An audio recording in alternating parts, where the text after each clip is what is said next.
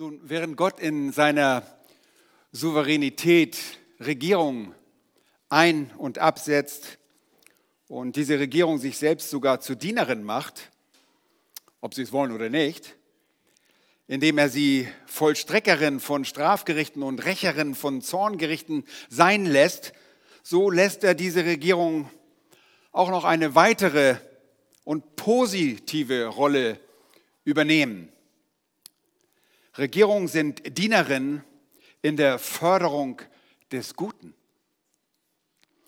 Und dazu schreibt Paulus im Römerbrief in Römer Kapitel 13 und Vers 3, denn die Herrscher sind nicht wegen guter Werke zu fürchten, sondern wegen böser. Wenn du dich also vor der Obrigkeit nicht fürchten willst, so tue das Gute. Dann wirst du Lob von ihr empfangen.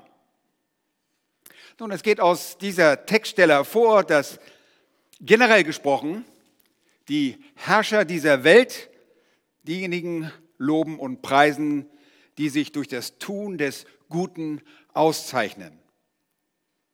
Und dazu ist das Kind Gottes auch berufen, Gutes zu tun. Wir sollen das Gute tun, Hebräer 13 und dort in Vers 16 ähm, heißt es, wohl zu tun und mitzuteilen. Vergesst nicht, denn solche Opfer gefallen Gott wohl. Nicht nur Gott hat Wohlgefallen daran, sondern auch der Staat seinerseits honoriert das Gute ebenfalls auf verschiedene Art und Weise. Und wenn wir das mal exemplarisch, äh, wenn wir unsere Situation in Deutschland mal exemplarisch betrachten, dann sehen wir, dass Menschen gewürdigt werden, die sich auf außerordentliche Weise durch Gutes tun auszeichnen. Ihr fragt, wie ist denn das? Das ist mir noch nie passiert.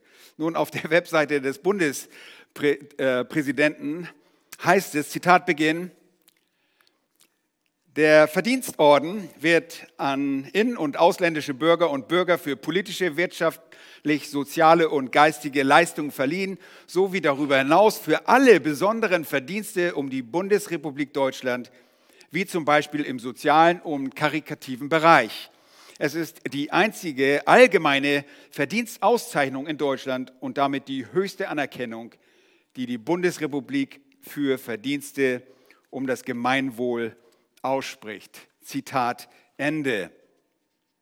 Nun, wenn der Verdienstorden, der übrigens im Verlauf der Geschichte der Bundesrepublik Deutschland mehr als eine Viertelmillion Mal verliehen wurde, auch keine monetären Vorteile mit sich bringt, so wird doch dessen Verleihung, wirkt sie durch Motivation auf denjenigen, der im Volk lebt und das Gute wird gefördert. Unsere Regierung fördert oder begünstigt sogar auch finanziell Gemeinschaften, sprich Vereinige und Institutionen, die sich für das Gemeinwohl der Gesellschaft einsetzen.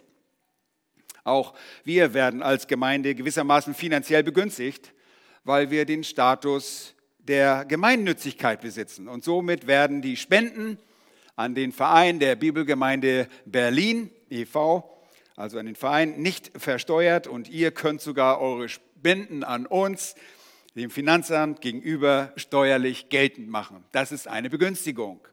Durch diese Maßnahmen wird der Bürger motiviert, das Gute zu tun, weil er darum weiß, dass seine Bemühungen Lob und Anerkennung von Seiten des Staates bewirken werden.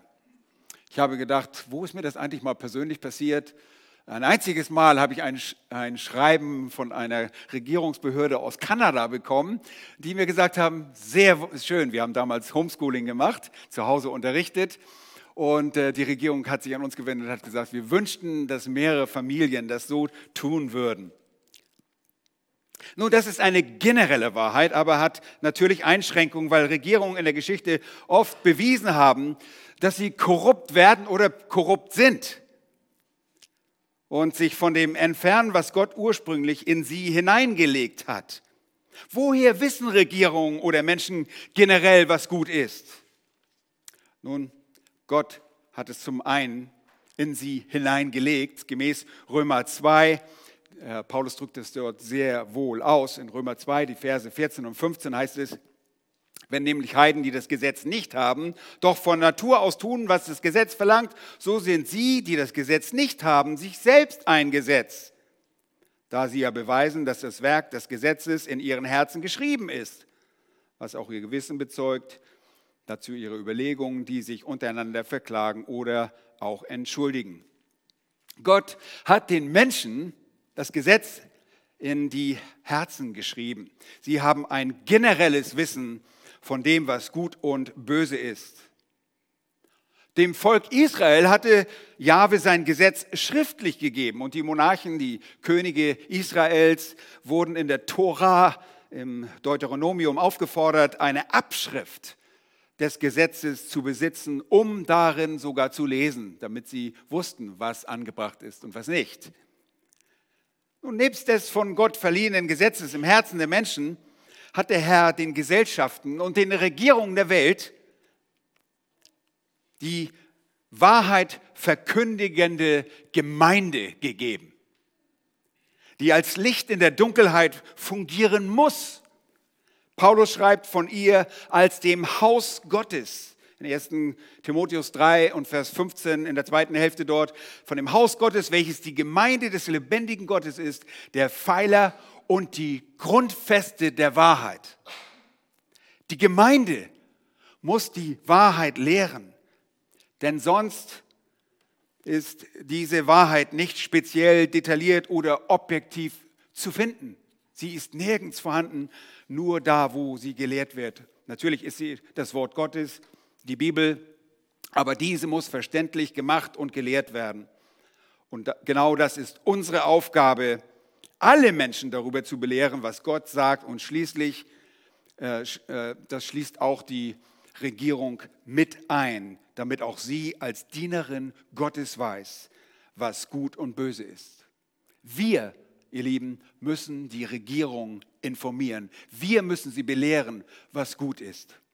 Nun, was die Implikationen dabei sind, die Dynamik und die Tragödie äh, der Rechtssysteme im Verfall, das werde ich beim nächsten Mal ansprechen und euch hoffentlich klar machen können. Dankeschön.